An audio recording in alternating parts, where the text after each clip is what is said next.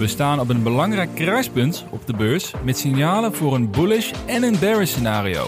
En vijf echt innovatieve world-changing groeiaandelen. Dit is de Mr. Dawn podcast.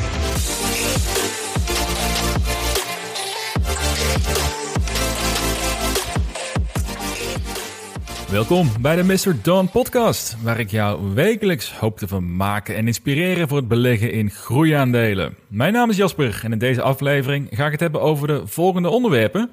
We beginnen zo meteen met het overall beurssentiment en mijn gevoel en bijhorende signalen dat de afgelopen bullrun misschien voorlopig wel uh, gas terug gaat nemen. Ik zal je vertellen hoe ik er tegenaan kijk voor de komende periode en ook hoe mijn wishlist bij een eventuele daling eruit gaat zien.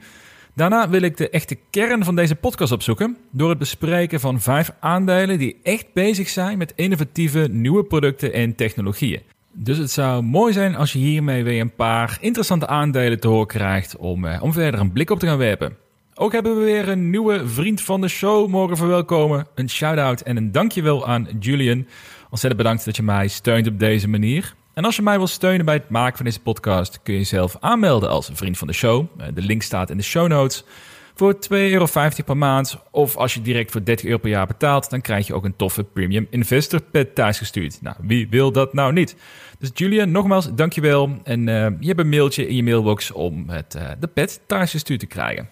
Maar voordat we starten met deze aflevering, zoals bekend, dit is geen financieel advies. Door altijd je eigen onderzoek en beleg alleen met geld dat je kunt missen en vind je dit nou een leuke podcast? Abonneer je dan via Spotify of Apple Podcast en dan laat een cijfer of een review achter. En daarmee help je mij ook dat de podcast bij meer mensen in beeld gaat komen. Nou, laten we deze aflevering meteen starten met een blik op de beurs. Ik denk dat we best tevreden mogen zijn met het herstel van de afgelopen periode. Uh, midden mei was vooralsnog het dieptepunt dit jaar. Ja, in ieder geval voor de, de tech-gedreven Nasdaq-index. En vanaf dat moment is de Nasdaq met ruim 31% gestegen.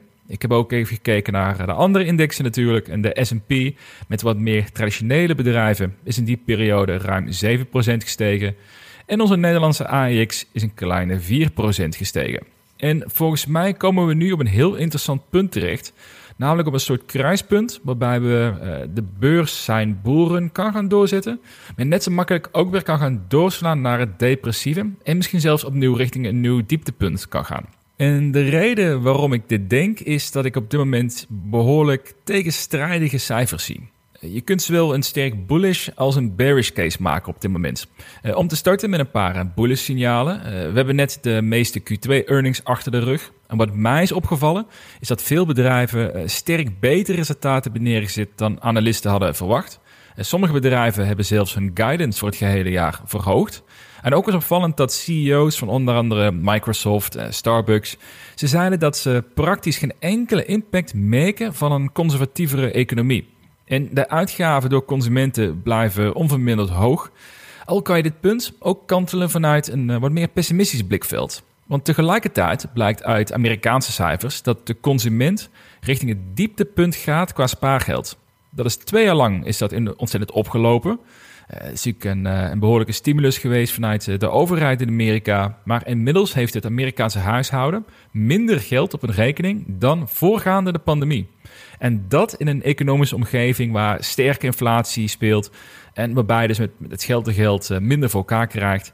Ja, dit zou je dus wel kunnen zien als een signaal dat de consument nog steeds koopverslaafd is geraakt in de afgelopen twee jaar. Dat ze die gewoonte nog niet hebben kunnen stoppen. Met als gevolg dat bedrijven sterke earnings hebben. En dus de Starbucks en de Microsoft CEO's zeggen: ja, wij merken er helemaal niets van. Maar tegelijkertijd worden de rekeningen steeds leger. En dat lijkt op een situatie die niet houdbaar is. Dus waar we in Q3 en Q4 wel eens serieuze consequenties van gaan merken. In ieder geval, als je kijkt naar de eh, Amerikaanse huishoudens. Maar goed, dat is natuurlijk waar onze focus op ligt, omdat veel aandelen op de Amerikaanse markt actief zijn. Dan zien we vanuit trendoogpunt zien we een eh, positieve ontwikkeling. Namelijk dat 90% van de bedrijven in de S&P 500 die zijn onlangs boven hun 50-daagse gemiddelde koers uitgekomen. En dit is slechts zo'n 20 keer gebeurd in de afgelopen 20 jaar. Dus eh, ja, vrij zeldzaam gegeven. En historisch gezien is dit een signaal die structureel leidt tot een sterke uptrend van de beurs. En meestal is het een teken van een aankomende bullrun. Dus op basis van die statistiek zou je verwachten dat de komende maanden wel eens ontzettend positief zouden kunnen worden voor de aandelen. Aan de andere kant van de medaille, eh, zoals ik zei, dus je kunt echt je kunt bullish en bearish zijn op dit moment. En aan de andere kant heb je de hedge funds die met een recordbedrag short zitten op de S&P. Er staat maar liefst voor 120 miljard dollar aan shortposities uit tegen de S&P. Een bedrag wat de afgelopen vijf jaar in ieder geval niet meer is voorgekomen. Is echt uitzonderlijk hoog. Meestal hangt het een beetje rond de 50 miljard, als ik, het, uh, als ik de grafiek goed heb ingeschat. Vaak ook natuurlijk als een hedge tegen long posities om een risico's te beperken, mocht de beurs in elkaar zakken. Maar dit is dus echt opvallend hoog. En een signaal dat de hedge funds, uh, de tussenraakje smart money, waar ik zo mijn vraagtekens ook wel bij heb, dat zij in ieder geval verwachten dat de komende maanden de beurs een, een sterke terugval gaat laten zien. En als sluitend zie ik zelf een herkenbaar signaal dat de energieaandelen weer uh, lijken te stijgen. Of zij stijgen weer, niet lijkt stijgen, ze stijgen gewoon weer. En groeiaandelen de afgelopen week iets lijken af te koelen. Meestal gaat dat wel hand in hand met elkaar samen. Maar ook weten dat er een paar kruidvaten zijn die uh, nou, kunnen gaan ontploffen in de komende maanden. Ik bedoel, uh, Oekraïne is er steeds verre van opgelost. Uh, Taiwan en China blijft een probleem. dat, dat, dat gaat ook niet maandenlang goed, zo lijkt het. met name ook omdat natuurlijk Amerika laatst ook weer heeft dus het zou mij niet verbazen als deze trend blijft doorzetten, dat we nog wel wat, wat dingetjes gaan meemaken in de komende maanden die impact gaan hebben op de, op de beurs overall. Dus al met al vind ik het ontzettend lastig om een duidelijke richting te bepalen. Ik moet wel zeggen dat ik nu mentaal voorbereid ben dat de beurs in de komende periode weer een eh, stapje terug gaat zetten. Uh, de stijging van de Nasdaq van 31% in de afgelopen drie maanden is natuurlijk ook uh, bizar hoog. Dus misschien is het ook niet vreemd dat een afkoeling eraan zit te komen. Maar dan wordt natuurlijk wel de vraag, is dit een afkoelingsperiode? Iets wat eh, nou, best wel logisch voelt eigenlijk. En gaan we daarna weer een, een verdere stijging zien van de koersen? Of leidt dit tot een afkoeling die uiteindelijk een nieuwe, nieuwe winter op de beurs gaat inleiden? Ik denk oprecht op dit moment, nogmaals, ik ga niet voorspellen wat er gaat gebeuren, want dat is een, een fool's errand. En, uh, alleen maar uh, mensen die denken de beurs te voorspellen, die, die snappen niet helemaal, denk ik. Dus dat, dat spelletje ga ik zeker niet spelen. Maar het is denk ik wel interessant om altijd een beetje bij te blijven van de, van de scenario's die er zouden kunnen gaan ontstaan in de komende maanden. En op dit moment dus neig ik een beetje naar, naar beide kanten op. En ik ben voorbereid op zowel een, een beurs die stijgt als een beurs die de komende maanden weer gaat, uh, weer gaat dalen. En ik moet ook zeggen, vanuit daar, dit heeft ook geen impact op mijn transacties in de komende of in de afgelopen periode. Ik ga niet kopen of verkopen op basis van deze signalen. Het, geeft mij wat, wat achtergrondinformatie, maar daarmee, daar hou ik het ook bij. En ook heeft het voor mij wel minder impact, omdat ik volledig in individuele aandelen zit. Bij de ontwikkelingen van het bedrijf sterker bepalen waar de koers staat over drie jaar dan het sentiment op de beurs overall. Maar waar ik nu wel mee bezig ben, dat is het, uh, het updaten van mijn wishlist. Ik denk dat dit de perfecte periode is om te bepalen welke aandelen je graag wilt hebben en wat je koersdoel is. En met name omdat we nu dus in een vrij neutrale periode zitten. De beurs is flink hersteld de afgelopen periode. Maar is ook weer ietsje afgekoeld in de afgelopen, nou, afgelopen week, weken. Dus er is niet echt sprake meer van euforie, maar ook nog niet van een, eh, van een depressieve omgeving. Oftewel, wat mij betreft, perfect moment om rationeel je wishlist bij te weken. Ik ben zelf ook al bezig om mijn uh, favoriete portfolio van maximaal 10 holdings te bepalen. De afgelopen maanden zijn er een paar aandelen van die lijst gevallen, uh, zoals Teladoc, Unity en CM.com. Al moet ik wel zeggen dat ik Teladoc een, grijs gebied vind, omdat ik graag in telehealth wil investeren. En Teladoc blijft daar gewoon veruit de leider in. Dus dat vind ik een... Uh, ik heb dan een soort uh, duiveltje en engeltje op mijn schouder zitten die zeggen van ja, uh, je bent eruit gestapt, maar was het wel verstandig? Of heb je te veel naar de korte termijn gekeken? vind ik lastig, dus die blijf ik ergens in mijn achterhoofd wel houden. maar aandelen zoals bijvoorbeeld een HubSpot, ja, die wil ik nog steeds ontzettend graag in mijn portfolio hebben, omdat het echt fantastisch gemanagede bedrijven zijn. Maar dan wel voor de juiste prijs. En uh, dat zou de komende periode dus wel weer eens interessant kunnen gaan worden. En ook de reden waarom ik dus uh, gebouwd heb de afgelopen weken aan een, uh, een kleine cashpositie naar de komende tijd ook mee zal doorgaan. Wachtende wat er gaat gebeuren. Dat klonk als een heel spannende afsluiting van het eerste deel van die aflevering. Als een soort, soort movie trailer die eraan zit te komen. Uh, maar tot zover het sentiment op de beurs. We gaan het meemaken natuurlijk. via Instagram kreeg ik twee vragen binnen van luisteraars. Danny als eerste. Hij vroeg zich af wat ik vind van het aandeel Roku. En dit is een Amerikaans bedrijf die zich richt op streamingdiensten en smart TV's. En het gekke is, is dat dit aandeel eigenlijk perfect in mijn straatje past. Omdat het verdienmodel zich richt op videoadvertenties. Is iets waar ik dagelijks mee bezig ben. Maar op de een of andere manier heb ik nooit een goed gevoel gekregen bij dit bedrijf. En in hun recente Q2 earnings update hebben ze wel een flinke trap gekregen van hun aandeelhouders. Want de koers daalde met 23% naar een laagste waardering sinds 2019. En dat komt met name doordat hun bruto winst en hun marges voor het tweede kwartaal op rij zijn gedaald. En een omzetverwachting voor Q3 met 700 miljoen dollar fors lager ligt dan de verwachte ruim 900 miljoen dollar. Oftewel, Roku zit in de problemen en het aandeel krijgt weinig liefde meer op dit moment. En stiekem vind ik dit soort situaties dus wel ontzettend interessant. Dus ik denk wel dat ik een, eh, een diepere blik ga werpen op Roku de komende weken. Uit eigen ervaring besef ik dat adverteerders het komende half jaar wat, uh, waarschijnlijk wat terughoudender zullen gaan worden met hun marketingbudget. Maar uiteindelijk blijft tv- en videoadvertenties een ontzettend aantrekkelijke manier van adverteren. Dus dat zal echt niet gaan verdwijnen. Die vraag zal alleen maar toenemen in de komende jaren, is mijn verwachting. Dus de vraag is hier voor Roku specifiek: hebben zij te maken met een, een tijdelijke setback of is het bedrijf structureel minder gaan presteren? In het eerste geval zou Roku namelijk wel eens een kans kunnen zijn, omdat de markt zo uh, pessimistisch is geworden over dit bedrijf. Uh, maar dan moet ik verder gaan induiken, voordat ik hier iets meer over kan gaan zeggen. Dus uh, Danny, ik hoop hier in een, een komende aflevering, of een, ergens in de komende weken, nog een keer bij op terug te kunnen komen. Maar het is wel degelijk een aandeel die, die de moeite waard kan zijn om iets verder naar te gaan kijken. Dat, dat ben ik zeker wel met je eens. En ook krijg ik de vraag van, van Mark over mijn balans tussen spaargeld en aandelen. En ondanks dat ik vermoed dat Mark dit vooral een, met een klinkslag bedoelt, want hij weet dat ik vrijwel geen cashpositie heb aangehouden in de afgelopen maanden, uh, vind ik het wel een leuke vraag om op te reageren. Maar als ik één ding heb geleerd in het afgelopen jaar, dan is het om winst te durven pakken op momenten dat de beurs sterk euforisch is. En dat is ontzettend lastig, eh, want als je aandelen hebt die 50% zijn gestegen in een maand tijd, dan krijg je te maken met de zogeheten hot hand fallacy. En dat betekent dat je de resultaten uit het recente verleden gaat zien als een garantie voor de resultaten in de komende periode. En die term komt uit de basketbal, dat als een speler eh, meerdere keren drie punten scoort eh, achter elkaar, ja, dan verwacht iedereen dat de volgende worp ook een drie punten wordt. Maar dat hoeft natuurlijk niet zo te zijn. Hetzelfde is met aandelen, omdat de koers de afgelopen maand 15% steeg, eh, betekent dat niet dat die de komende maand ook in die mate blijft stijgen. En dat zorgt ervoor dat het tijdig verkopen van aandelen ontzettend lastig kan zijn in een uptrend. Ik ken beleggers die hiervoor een, uh, zelf een regel in het leven hebben geroepen. Namelijk dat ze een deel van hun aandelen moeten verkopen nadat een bepaald percentage winst erop gemaakt is. Ik denk dat dat een, een slim idee is. Het is in ieder geval een heel rationeel idee, omdat je hiermee de emotie compleet eruit haalt. Al kan het natuurlijk nog steeds lastig blijven om, uh, om te verkopen als je denkt dat het aandeel op doorbreken staat. Ik, ik denk er wel eens over, wat zou ik doen als nu bijvoorbeeld uh, Canoe of Desktop Metal uh, uh, 200% zouden stijgen in een maand tijd? Zou ik dan verkopen of zou ik het dan wachten en aanhouden? Omdat ik denk dat die bedrijven veel meer waard kunnen worden over de komende vijf jaar. Ja, dat zijn best wel, best wel pittige vragen, vind ik. Ik vind het veel makkelijker om bij te kopen als het aandeel laag staat... dan het verkopen als het aandeel hoog staat. Wat nou, een, duidelijk signaal is van hoe emotiegedreven beleggen natuurlijk is.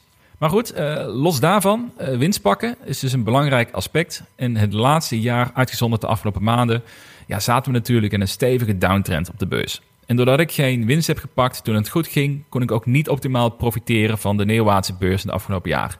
Met als gevolg, omdat ik wel wilde blijven investeren bij deze depressieve prijzen, dat ik eigenlijk al vele maanden praktisch geen cashpositie meer heb. Eh, in feite gaat iedere maand een groot deel van mijn salaris direct naar aandelen toe. En ik vind dat te verantwoorden in deze tijd, waarbij aandelen nog steeds 50 tot 70 procent lager staan dan één jaar geleden.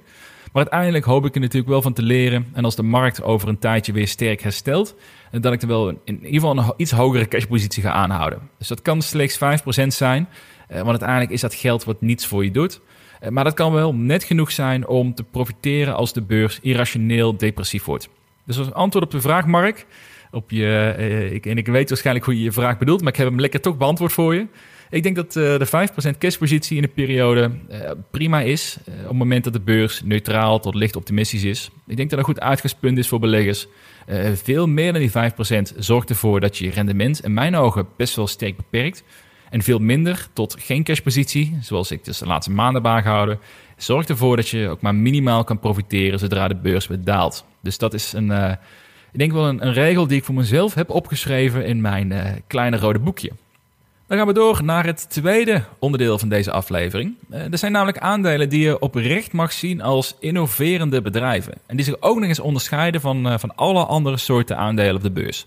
Je kunt namelijk, in, in mijn ogen kun je groeiaandelen opdelen in drie categorieën. Uh, zo heb ik dit ook benoemd in mijn portfolio, waar je trouwens volledig inzicht in hebt via mrdon.nl slash portfolio. Dan kom je bij mijn uh, portfolio dividend trekken pagina uit, openbaar. Daar kun je zien wat mijn posities zijn, wat ik heb gehandeld de laatste maanden en hoe mijn portfolio is opgebouwd. Dus check dat gerust. En je hebt dus drie categorieën. En allereerst heb je in mijn ogen heb je dus de, de noem het even, de solid growth aandelen. En dit zijn de aandelen die ieder kwartaal gewoon een stabiele, stevige groei laten zien. Uh, op zijn minst een duidelijk pad hebben naar winstgevendheid. De meeste zijn winstgevend, maar het moet in ieder geval laten zien dat het, uh, waar het naartoe gaat. Dat de, de, de free cashflow bijvoorbeeld ook stijgt nadrukkelijk over de afgelopen periode. En ik beschouw mijn positie in bijvoorbeeld Pinterest als een solid growth aandeel. Maar je zou ook kunnen denken aan een Roblox, een Adobe, een AMD. Dit zijn bedrijven waar je met enige zekerheid kan stellen dat ze hun groei blijven doorzetten. En dat zij alle kansen hebben om een gezond businessmodel voor zichzelf te creëren in de komende jaren. De tweede categorie, dat noem ik de future leaders. Dit zijn de aandelen die een duidelijk businessmodel hebben. Uh, ook al duidelijke tractie en, uh, en omzetpotentie laten zien, maar die met name nog serieus investeren in hun groei om uiteindelijk die marktleiderpositie te kunnen pakken. En vanuit mijn portfolio zijn dat bijvoorbeeld Desktop Metal en Canoe. Dat zijn uh, twee bedrijven met een enorme potentie in de komende jaren, maar wel aandelen die nog moeten laten zien. potentie is één, maar executie is heel wat anders. Nou, je zou in deze categorie ook kunnen denken aan bijvoorbeeld de millennials verzekeringsmaatschappij Lemonade, waar ik stiekem ook wel erg geïnteresseerd in ben geraakt. Dus die staat ook nu opeens op mijn, uh, lijstje om te gaan onderzoeken de komende weken. En maar bijvoorbeeld ook het data cloud bedrijf Snowflake. Dit zijn twee bedrijven die allebei fors investeren in groei, die ook sterk verliesgevend zijn. Uh, werd ze niet een dank afgenomen op de beurs afgelopen jaar. Maar zij hebben de ambitie om hier over vijf jaar de vruchten van te plukken als echt nummer één leider in hun domein. En dat maakt dit dus uh, future leaders in mijn optiek. En dan heb je nog de laatste categorie. En die noem ik heel aspirerend, uh, misschien een beetje veel druk op de schouders, maar ik noem dit de World Changers. Uh, wat de lat natuurlijk meteen ontzettend hoog gelegd voor ze. Dit zijn de aandelen waarvan hun businessmodel nog niet helemaal glashelder is. Of waar in ieder geval nog niet duidelijk is hoe zij over vijf jaar een, uh, een cash cow kunnen worden of, of EBITDA positief kunnen worden. Maar dit zijn bedrijven die daadwerkelijk een impact maken over hoe wij leven, hoe we werken en ook hoe wij produceren, mits blijkt dat hun technologie inderdaad werkt en schaalbaar is. Je zou het ook uh, sterk speculatieve aandelen kunnen noemen, maar ik ben geen fan van die beschrijving, omdat dat suggereert dat je puur gokt dat het bedrijf het goed gaat doen. En natuurlijk zit er een hoge mate van onzekerheid in dit soort aandelen. Uh, vandaar dat dit wat mij betreft de ideale aandelen zijn om vanuit jouw kennisdomein in te investeren. Want ik denk dat dit bedrijven zijn als je heel goed weet wat ze doen en wat hun edge is ten opzichte van een competitie, ja, dat je hier een enorm voordeel hebt ten opzichte van anderen in de beurs. En in het komende segment van deze aflevering wil ik vijf aandelen uitlichten die behoren tot deze laatste categorie. Die wat mij betreft echt impact kunnen maken en die hierdoor ook een interessante risk-reward kunnen zijn voor degene die dus het domein snappen. Alles het laatste trouwens, eh, het snappen van het domein, is wel echt het meest lastige eraan. Omdat dit uh, nou, allemaal vrij nieuwe en specifieke technologieën zijn. Waardoor het de, de, exacte kennis bij veel mensen echt wel zal ontbreken. Dus het zal je moeten opvangen door veel extra onderzoek te doen naar het product, eh, het bedrijf en de markt. Of je zult moeten besluiten om toch maar te investeren in aandelen die veel begrijpelijker voor je zijn. Dat is wel een, een keuze die je daarin moet maken. Misschien ook wel daarin rekening houdt met de positiesize van uh, mocht je hierin willen investeren. Uh, misschien is dat ook wel de reden waarom ik zelf nog geen positie heb in een van deze zogeheten world changers. Uh, alles nummer 5 op deze lijst, wel eentje die ik al maandenlang op het oog heb. Dat is een mooie teaser voor het einde van dit lijstje. En al zul je het aandeel misschien wel kunnen raden trouwens, als je mij volgt op Twitter. Maar voor diegenen die het nog niet weten, nummer 5 op deze lijst die, uh, staat hoog op mijn wishlist in ieder geval. Alright, dan laten we doorgaan naar de vijf world-changing aandelen. Uh, voorafgaande trouwens wel goed te vertellen dat dit geen aanbevelingen zijn. Ik heb deze aandelen slechts beperkt bekeken. Ik heb dus geen waardeoordeel of dit interessante investeringen zijn. Het zijn in mijn ogen wel interessante bedrijven. Het zijn interessante producten en interessante technologieën.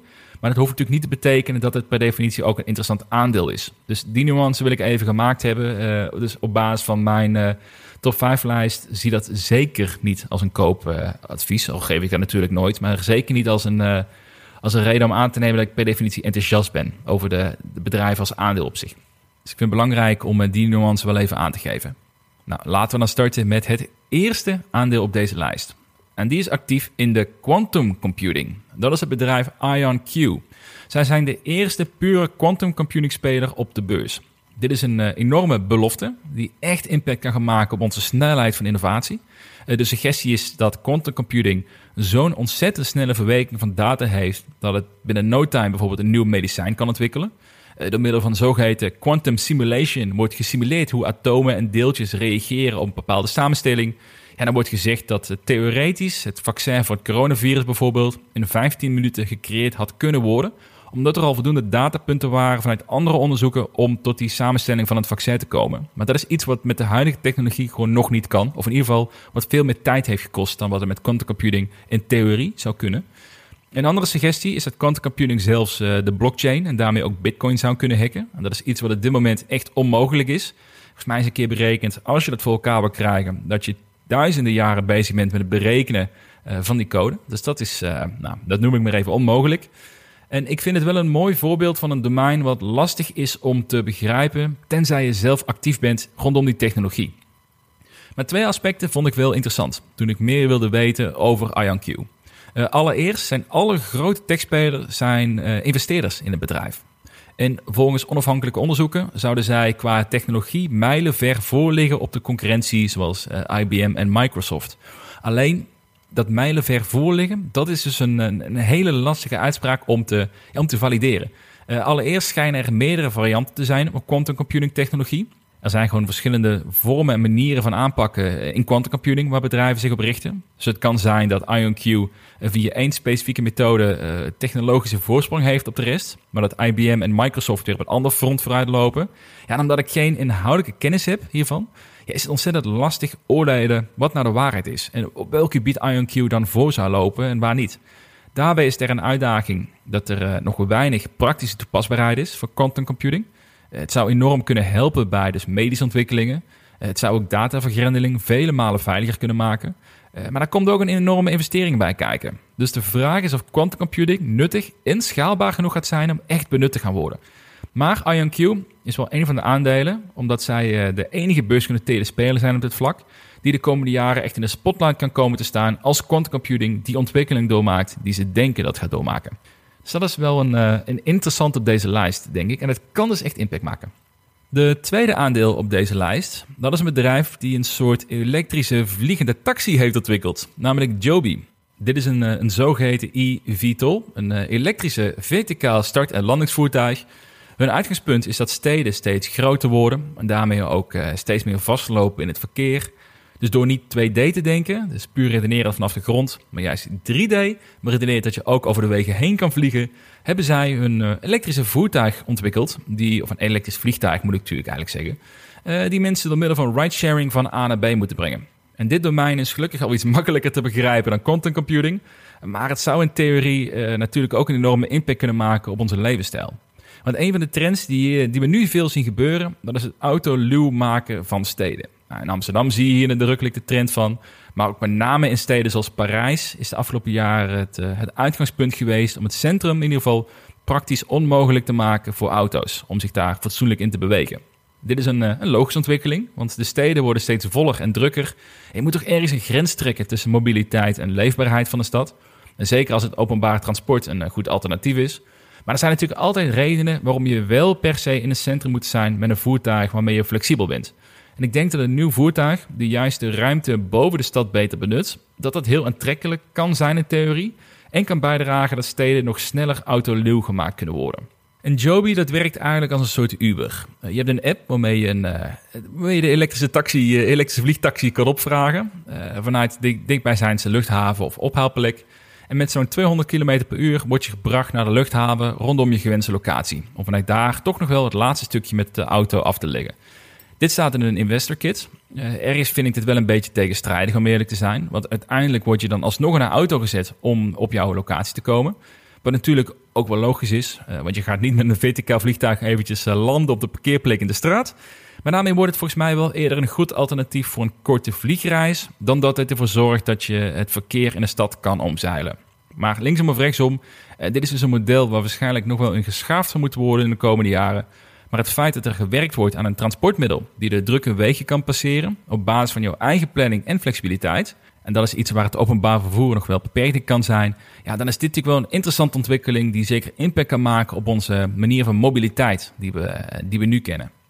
Het derde aandeel op deze lijst, dat is eentje wat helemaal past bij de huidige tijdsgeest, namelijk Origin Materials. Hun missie is om een duurzame vorm te vinden om materialen te produceren op een koolstofnegatieve manier. Oftewel, hun materialen ontnemen juist koolstof uit de lucht, in tegenstelling tot de huidige productievormen, met uh, met name fossiele brandstoffen, die juist koolstof creëren. En laat klimaat nu een van de grootste uitdagingen zijn van deze generatie. Dat is iets waar Origin Materials zich op richt. Nou, hoe doen ze dat dan? Ze hebben de technologie ontwikkeld om vanuit biomassa koolstof te onttrekken, wat omgezet wordt naar bruikbare stoffen. Ze doen dit met name door duurzame vormen van hout te gebruiken, aangezien bomen van nature koolstof aantrekken. Maar ze kunnen ook agrarische restafval of zelfs oud karton gebruiken om daar koolstof uit te onttrekken. Dus uitgelegd voor een compleet chemische leek zoals ik zelf. Zij produceren producten die grote bedrijven zoals Nestlé, Danone en PepsiCo, het partners zijn van, uh, van Origin Materials, wat zij nodig hebben, waar nu dus nog fossiele brandstoffen voor worden gebruikt met schadelijke reststoffen, maar dan op een duurzame manier waarbij die schadelijke reststoffen niet alleen voorkomen worden, maar zelfs minder worden, omdat ze worden benut als onderdeel van hun proces.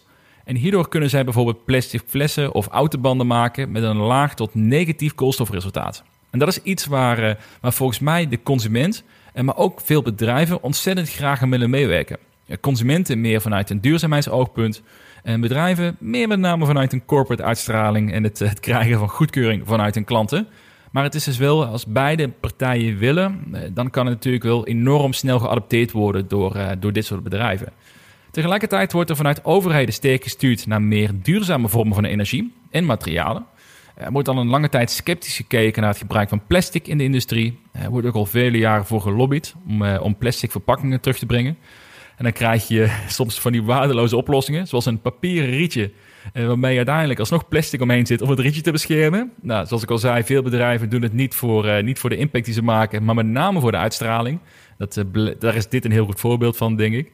maar als Origin Materials met een goed duurzaam alternatief komt en overheden wereldwijd gaan stimuleren, ja, dan zal de vraag naar hun technologie natuurlijk enorm kunnen gaan worden in de komende jaren. Dus ik denk dat dit aandeel, mits zijn technologie inderdaad werkt op een schaalbare manier, ze zijn nu bezig om een uh, fabrieken te bouwen, wel eens heel interessant zou kunnen worden. In hun investor presentation staat dat zij 407 miljoen dollar cash beschikbaar hebben. En dat zij verwachten dat dit voldoende is om richting het proces uh, EBITDA positief te worden, met dank aan financieringen en subsidies. En het aandeel is momenteel gewaardeerd op slechts 889 miljoen dollar. Dus de enterprise value, als je de cash eraf haalt, is 482 miljoen dollar.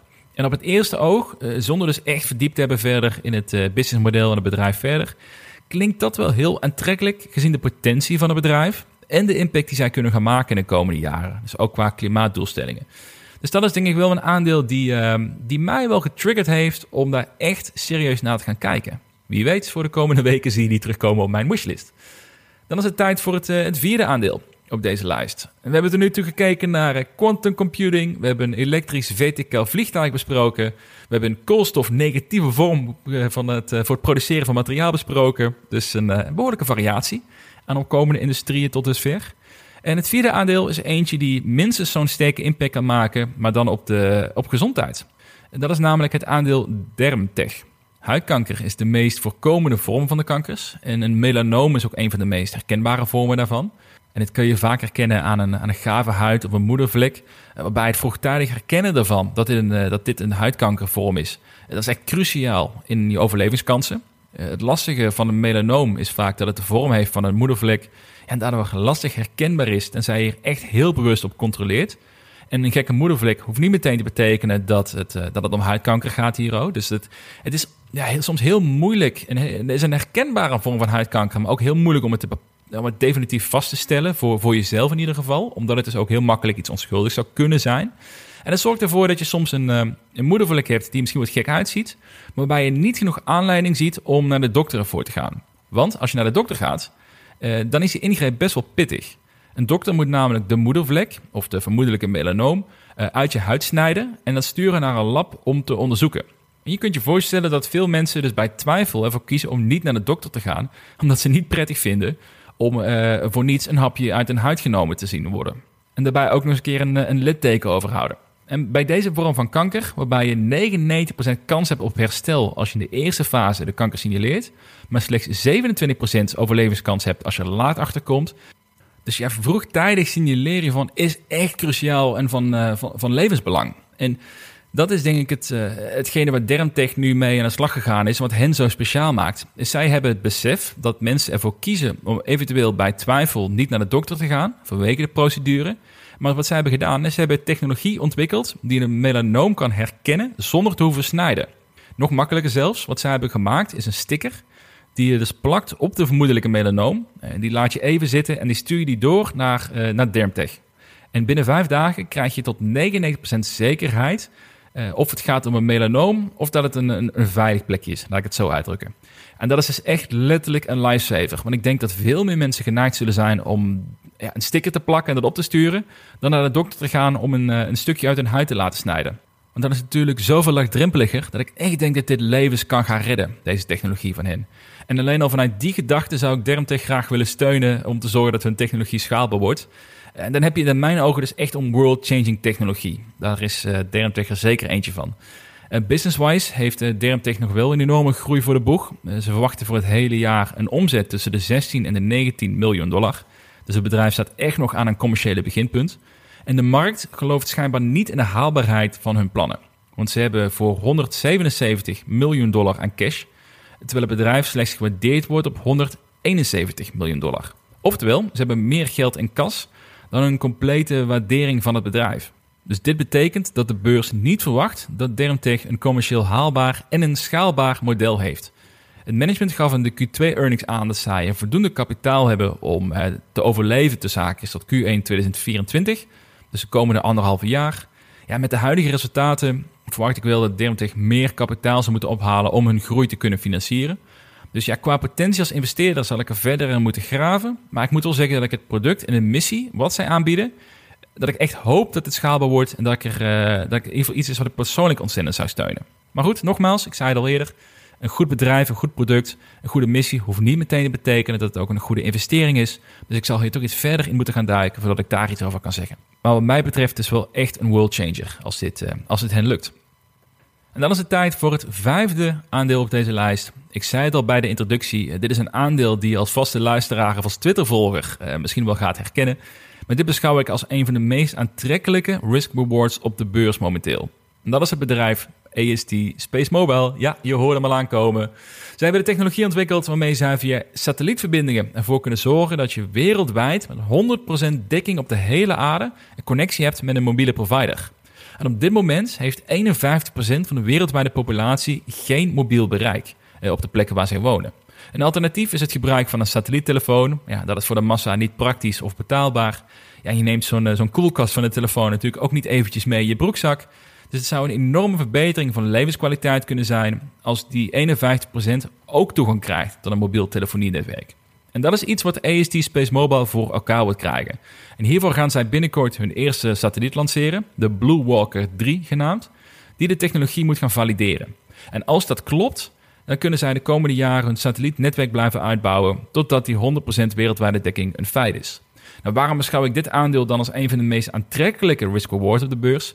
Omdat in tegenstelling tot alle eerder genoemde aandelen, AST Space Mobile al hun, eh, wel al hun commercieel verdienmodel helemaal rond heeft. Er liggen al ondertekende contracten met bijvoorbeeld Vodafone, eh, Nokia en Rakuten, die de service van AST Space Mobile gaan aanbieden bij hun klanten. En hiervoor is een omzetdeling afgesproken van 50%. Dus dat betekent, als de technologie klopt, dat AST Space Mobile via alle grote telecomproviders in één klap hun service bij vele miljoenen mensen onder aandacht gaat brengen. En hiervoor dus ook een serieus deel van de omzet pakken. En in theorie wordt AST Space Mobile hiermee echt een ongekende cash cow. En zou het op termijn een aandeel kunnen worden die in mijn ogen makkelijk 20 tot 25 miljard dollar waard gaat zijn en een dividend gaat uitkeren vanwege hun stabiele inkomstenbron. Het enige grote voorbehoud, en dat is echt een big if, is dus de validatie van hun technologie. En daarvoor wordt een belangrijke stap gezet in de komende maand met de Blue Walker 3. En dat is ook een van de redenen waarom het aandeel de afgelopen maand met 85% is gestegen. En dit aandeel, dat is er eentje die al, eh, al vele maanden op mijn lijstje staat. Ik had het aandeel rond 6 dollar willen kopen. Het heeft vaak genoeg mijn uh, must-buy koers aangetikt op mijn wishlist. Ik baalde van dat ik niet gekocht heb. Nu staat hij op ruim 12 dollar. maar ik was gewoon te gierig om, om toe te slaan. Ik wilde nog 5 of 10% extra korting toen de markt zo depressief was. Nou, en daar heb ik dus niet toegeslagen. En hierdoor heb ik inmiddels een verdubbeling gemist. En ik vind het nu ook eerlijk gezegd gewoon mentaal lastig om na 100% stijging alsnog in te stappen. Ondanks dat ik weet dat nog steeds de risk-reward ontzettend interessant is voor, uh, voor dit bedrijf. Ook wetende dat het aandeel nu in een soort, uh, soort hypefase zit, wachtende op de lancering van de Blue Walker 3. En dat maakt dit een interessant aandeel om te volgen. Want als de lancering succesvol is, dan zou het mij niet verbazen als dit aandeel richting de 25 of 30 dollar gaat in een paar maanden tijd. Maar als de lancering wordt uitgesteld, of als het niet succesvol is, of er zijn problemen, ja, dan is de kans ook serieus aanwezig dat dit aandeel weer heel snel naar de 5 of 6 dollar gaat zakken. Dus ondanks dat dit een ontzettend interessant bedrijf is, en ook eentje die je met recht een world changer kan noemen, want uh, communicatie is, wat zou je mogen stellen als een basisrecht voor, uh, voor ieder mens, is het aandeel eentje die binnenkort kan gaan ontploffen, zowel in positieve als in negatieve zin. En stiekem hoop ik ergens dat de lancering wordt uitgesteld. Waardoor de koers weer uh, zakt naar, uh, naar 6 dollar. Zodat ik eindelijk een bescheiden positie kan innemen. En uh, hopelijk voor mezelf heb geleerd om minder gierig te zijn. Om per se die 5 of 10% extra korting te willen hebben. Voordat ik een aandeel koop waar ik echt vertrouwen in heb. En dat is het geval met, met AST Space Mobile. En dat waren de vijf aandelen op mijn World Changer shortlist. IonQ, Joby, Origin Materials, Dermtech en AST Space Mobile. Laat me weten wat jouw favoriete aandeel was van deze vijf. En misschien dat ik hier in een uh, aankomende aflevering nog wat diepere blik op ga werpen. Ik denk wel dat ik deze vijf bedrijven, dat ze eigenlijk alle vijf interessant zijn voor een deep dive. En persoonlijk ga ik mij de komende periode richten op Origin Materials en Dermtech. Uh, met name omdat een waardering ten opzichte van een potentie en cashpositie op dit moment wel erg interessant lijkt. En ik wil mijn analyses en koersdoelen bepaald hebben voordat de beurs weer misschien in een, in een negatieve sleur terechtkomt want dan gaan de emoties weer de overhand krijgen. Terwijl we juist graag willen investeren op basis van ratio en cijfers. Dus wat dat betreft is het misschien nu al tijd om even wat tempo te maken en een paar analyses uit te gaan voeren de komende twee weken. Maar hopelijk is ook uh, Origin Materials en in ieder geval Dermtech ook, uh, ook bij gaan zitten. Hopelijk vond je dit weer een interessante aflevering. Ik denk dat we hiermee wel echt weer eh, de focus hebben geraakt van deze podcast. Door vijf echt innovatieve aandelen te bespreken. Ik hoop ook dat ze vernieuwend waren voor jou. Dat jij misschien nog één of twee namen hebt gehoord waar je verrast door bent en waar je interesse in hebt gekregen. Uh, laat me weten wat je ervan vond uh, via mijn uh, Vriend van de Show website. De link daarvan staat in de show notes. je hoeft trouwens ook geen betalende vriend te zijn om volledig mee te kunnen praten op die pagina. Dus werp daar gerust een blik op. En volg mij op Twitter en Instagram via Mr. Don NL voor regelmatige updates. like de podcast via Spotify of Apple Podcast en laat een review achter. Voor nu bedankt voor het luisteren en graag tot de volgende aflevering.